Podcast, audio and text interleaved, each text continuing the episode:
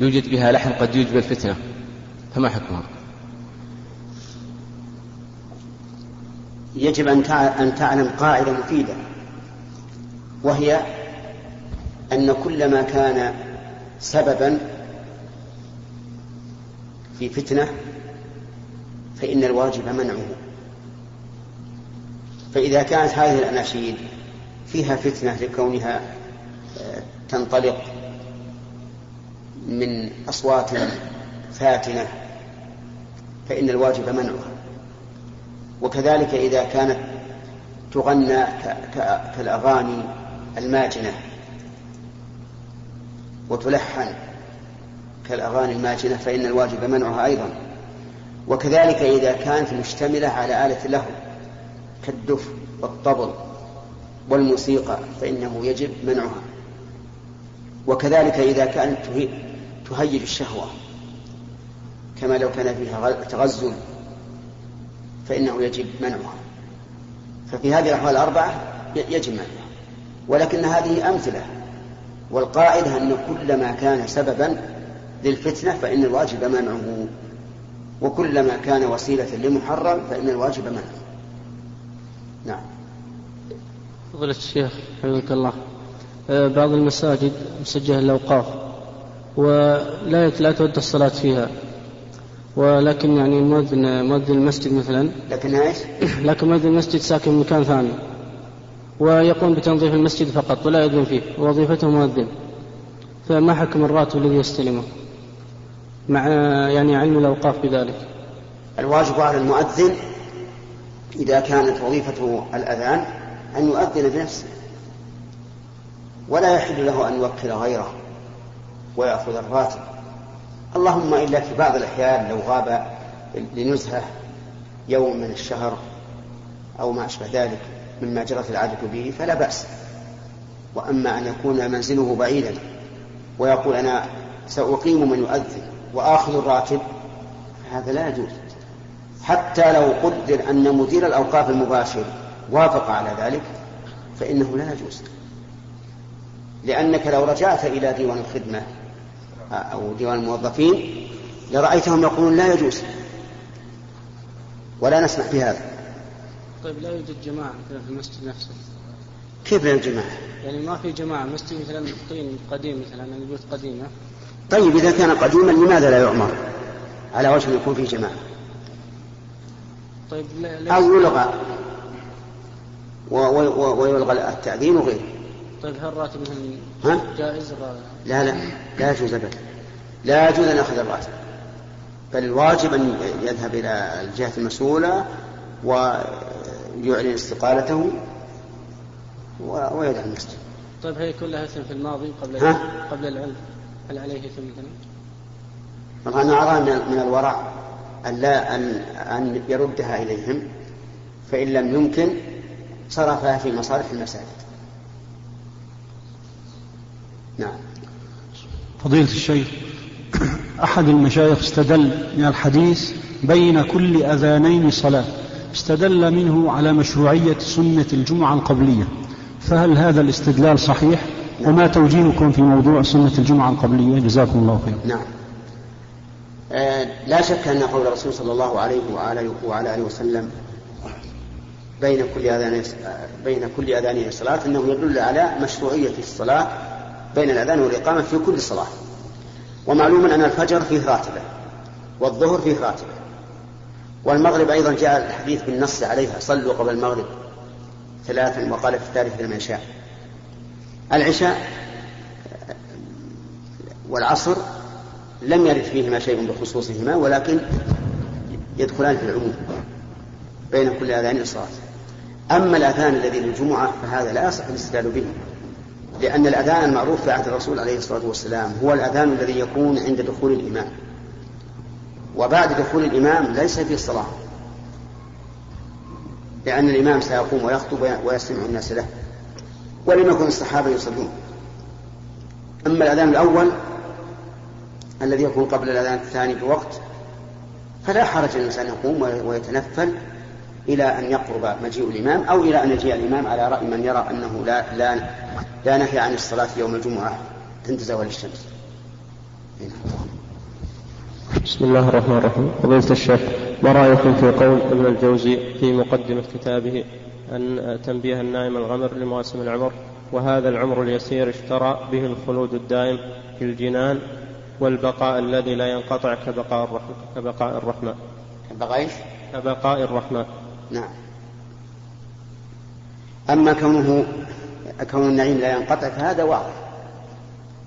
فالقرآن مملوء بأن أهل الجنة خالدين فيها بأن أهل الجنة خالدون خالدون فيها أبدا. وأما قولك بقاء الرحمن فلا أدري هل هذه الكلمة ثابتة في في في كلام ابن القيم أو لا. أرأيتها أنت؟ ها؟ ابن الجوزي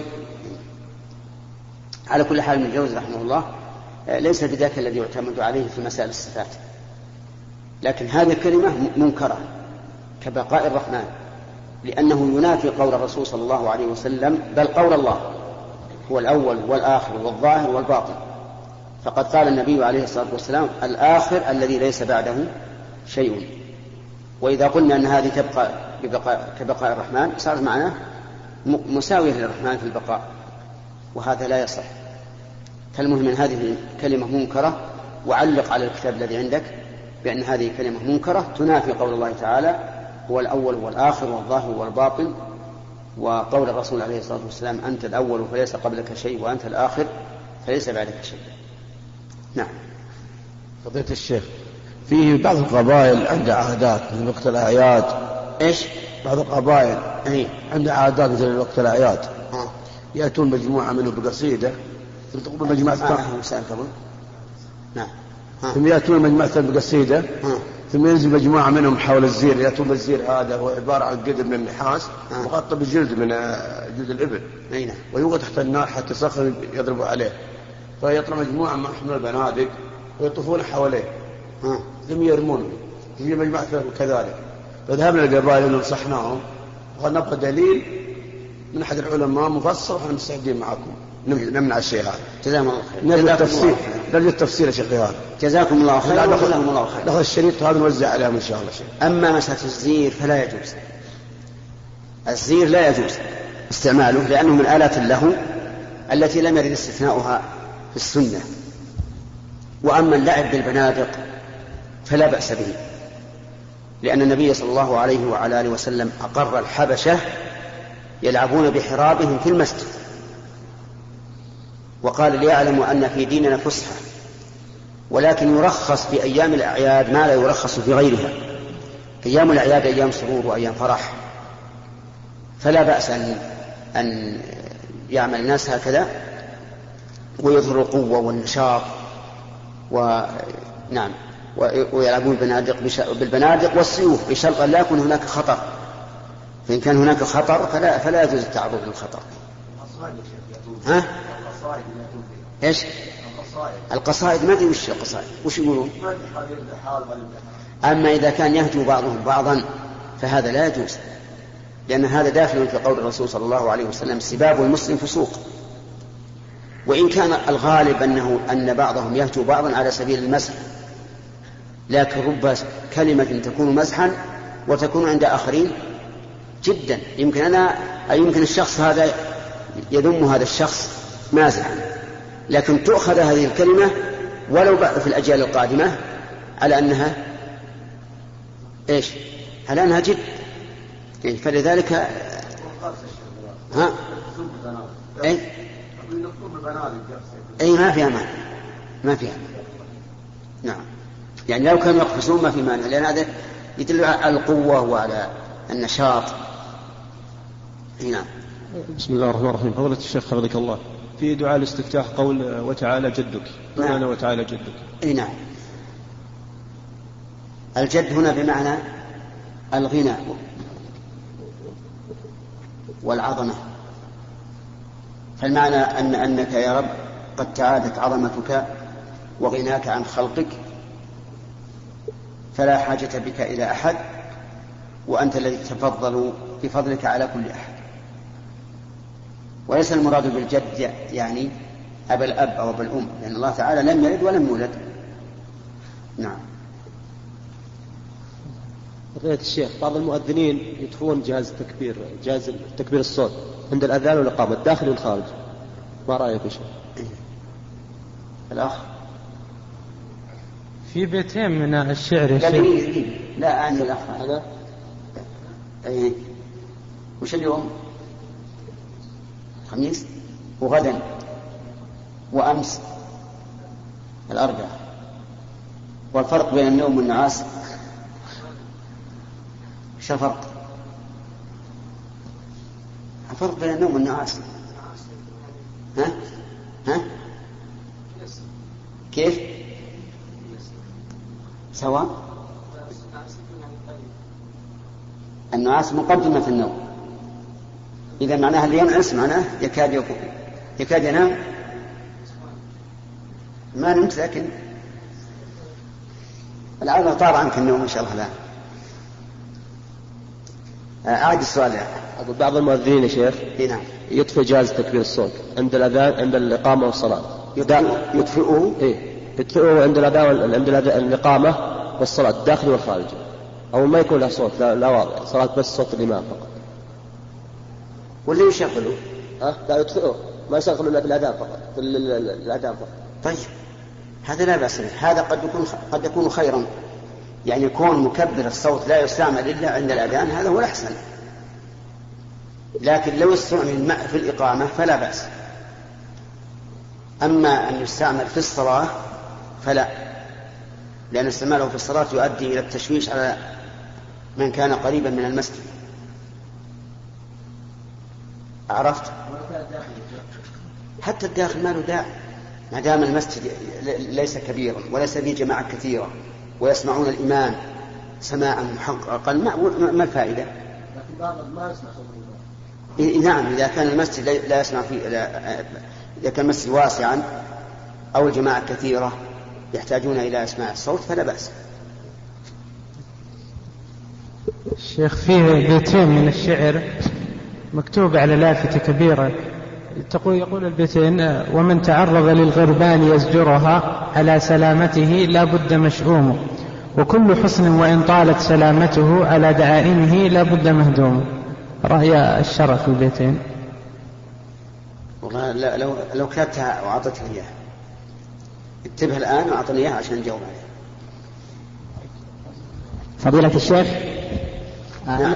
نسأل بالنسبة لبعض البنوك تصدر بطاقات مثل الفيزا كارد وهذه لعلها فكرتها يعني ما- واضحة أو أوضحها يا شيخ؟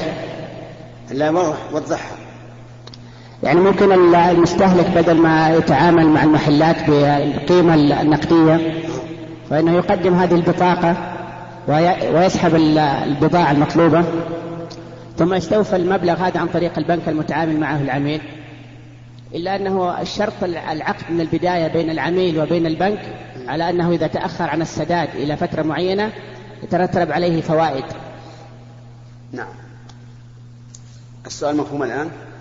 يعني يأخذ بطاقة من البنك وإذا اشترى حاجات عرضها على الذي اشترى منهم هذه الحاجات وحولهم على البنك. والبنك يسدد عنه. لكن إن أوفى البنك في المدة معينة فليس عليه إلا ما ما استقرض فقط. وإن تأخر لازم أن يكون عليه إضافة إضافة. أقول إن هذا حرام. لأن مجرد التزام الإنسان بالربا محرم سواء حصل الربا أم لم يحصل. وهذا الرجل يقول أنا جازم من نفسي أنني سأوفي قبل الأجل. فنقول نعم أنت جازم لكن هل أنت متأكد؟ قد يضيع المال من بين يديك قد يسرق قد تموت. ما أنت بجازم؟ الله يقول لا تقولن لشيء إني فاعل ذلك غدا إلا أن يشاء الله. ثم إن مجرد التزامك أنه إذا تمت المدة قبلت أن يضاف إليك زيادة فإن هذا الالتزام التزام بالربا. والالتزام بالربا حرام.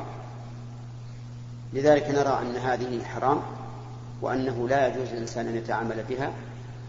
ولكن إذا كان له رصيد من البنك وقبل البائع التحول إلى البنك فليفعل.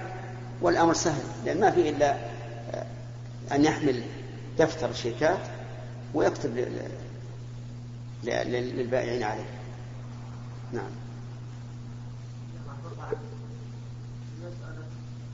الذبح للضيوف تكريما لهم. من الناس من إذا ذبح إنما يذبح بنية دفع الملامة أو الذم ونحو ذلك لا بقصد التقرب. فهل يقال التقرب. إيه؟ إنما دفع للملامة. نعم. وأحيانا قد يكون مجاملة. نعم. فهل يبقى هذا الذبح على الأصل أم أنه يقال بحرمته نتيجة هذه النية يعني؟ هذا هذا الذبح يبقى على الأصل لأن من جملة ما يؤمر به الإنسان أن يدفع اللوم عن نفسه.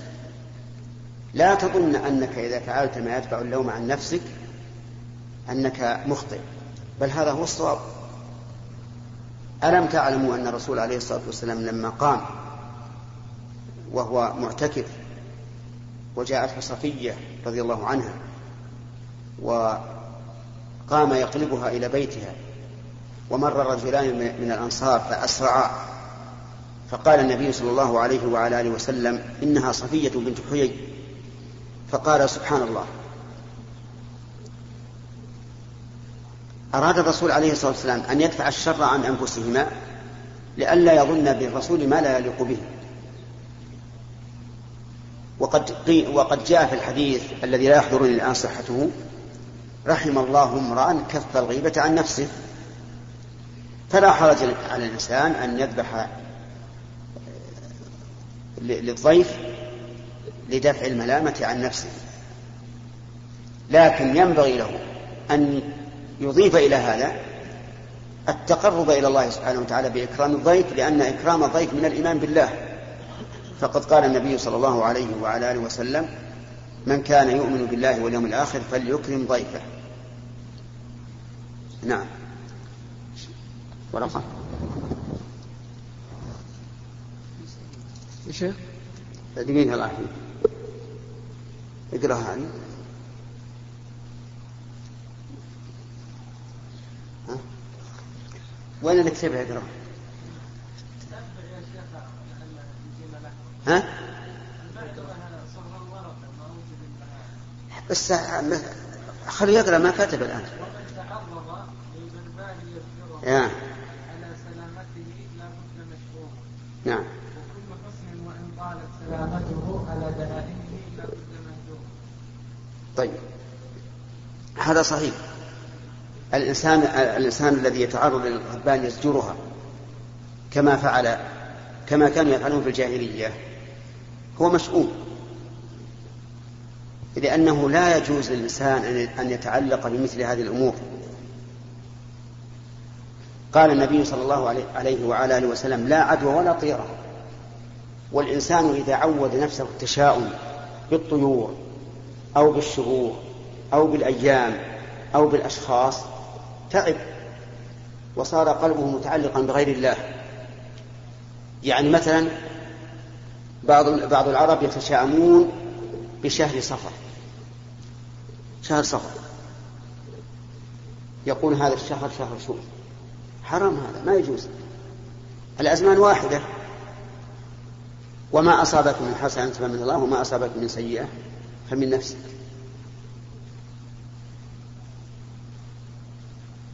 فجاء أناس آخرون قالوا نسمي شهر صفر شهر الخير. هذا أيضا غلط. لأن صفر شهر من الشهور لا شهر خير ولا شهر شر مثل غيره. كذلك أيضا بعض بعض العرب يتشاءمون بشوال في النكاح. يقولون إذا عقد الإنسان نكاحا في شوال فإنه نكاح فاشل. وكانت عائشة رضي الله عنها تبطل هذا. تقول إن الرسول صلى الله عليه وسلم تزوجها في شوال وبنى بها في شوال وأيتكن كانت أحظى عنده مني. هل صار هذا النكاح فاشلا أو أو لا؟ عجيب. لا بل بالعكس.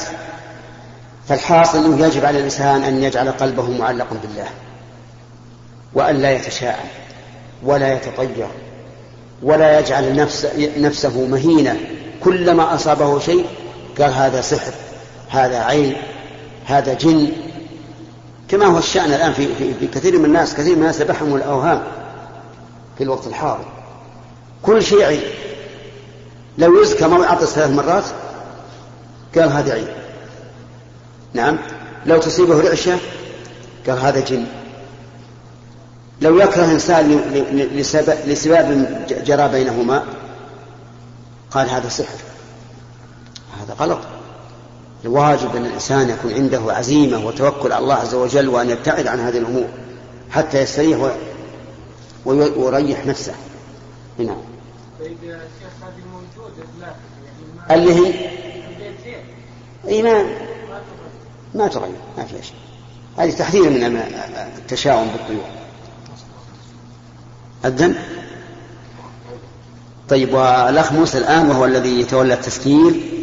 يشير إلى أنه انتهى الوقت وكأنه يقول إن كان يقول لا لن أسجل بعد هذه الساعة أليس كذلك؟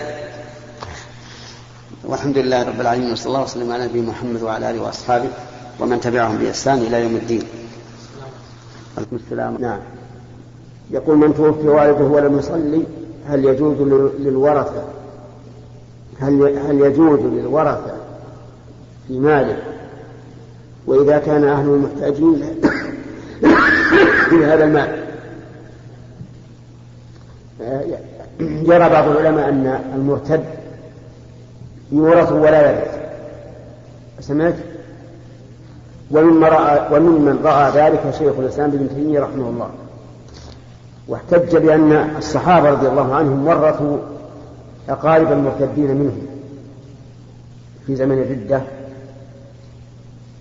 ولكن يظهر لي أنه أن هذا ليس بصواب لأن حديث أسامة بن زيد لا يرث المسلم الكافر ولا الكافر المسلم لم يستثنى منه شيء. نعم لو قدر إنهم محتاجون كما قال في السؤال وأنهم يأخذونه لحاجتهم فهذا ربما يكون له وجه يأخذون بقدر الحاجة كغيرهم ممن يأخذ من بيت المال وإلا فإنه يجب أن يصرف ان يصرف ميراثه إلى بيت المال فهمت الآن؟ وش فهمت؟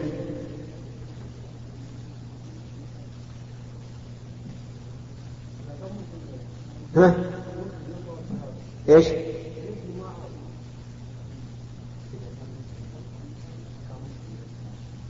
من؟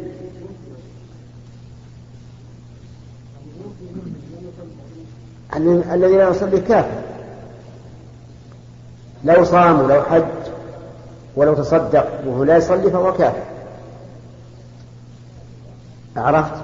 طيب إذا كان كافر وأقاربه مسلمون ما الذي قلته أنا الآن؟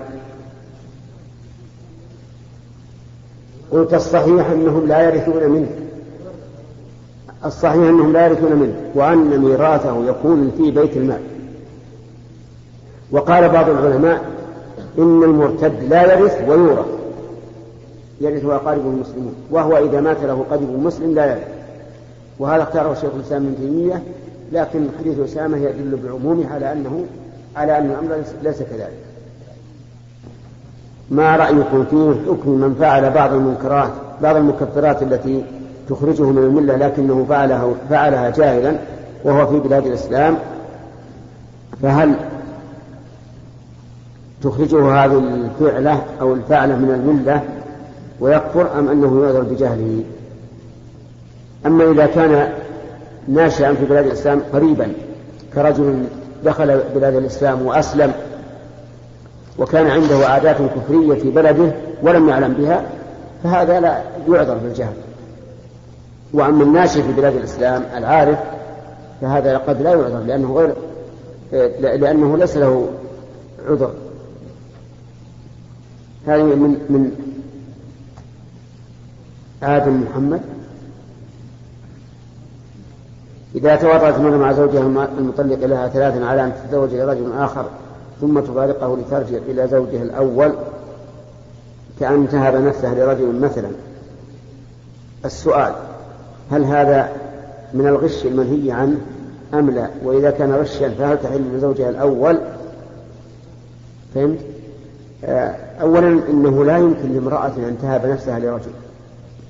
هذا خاص بالنبي صلى الله عليه وسلم بنص القرآن. وامرأة مؤمنة إن وهبت نفسها للنبي إن أراد النبي أن يستنكحها خالصة لك من دون المؤمنين.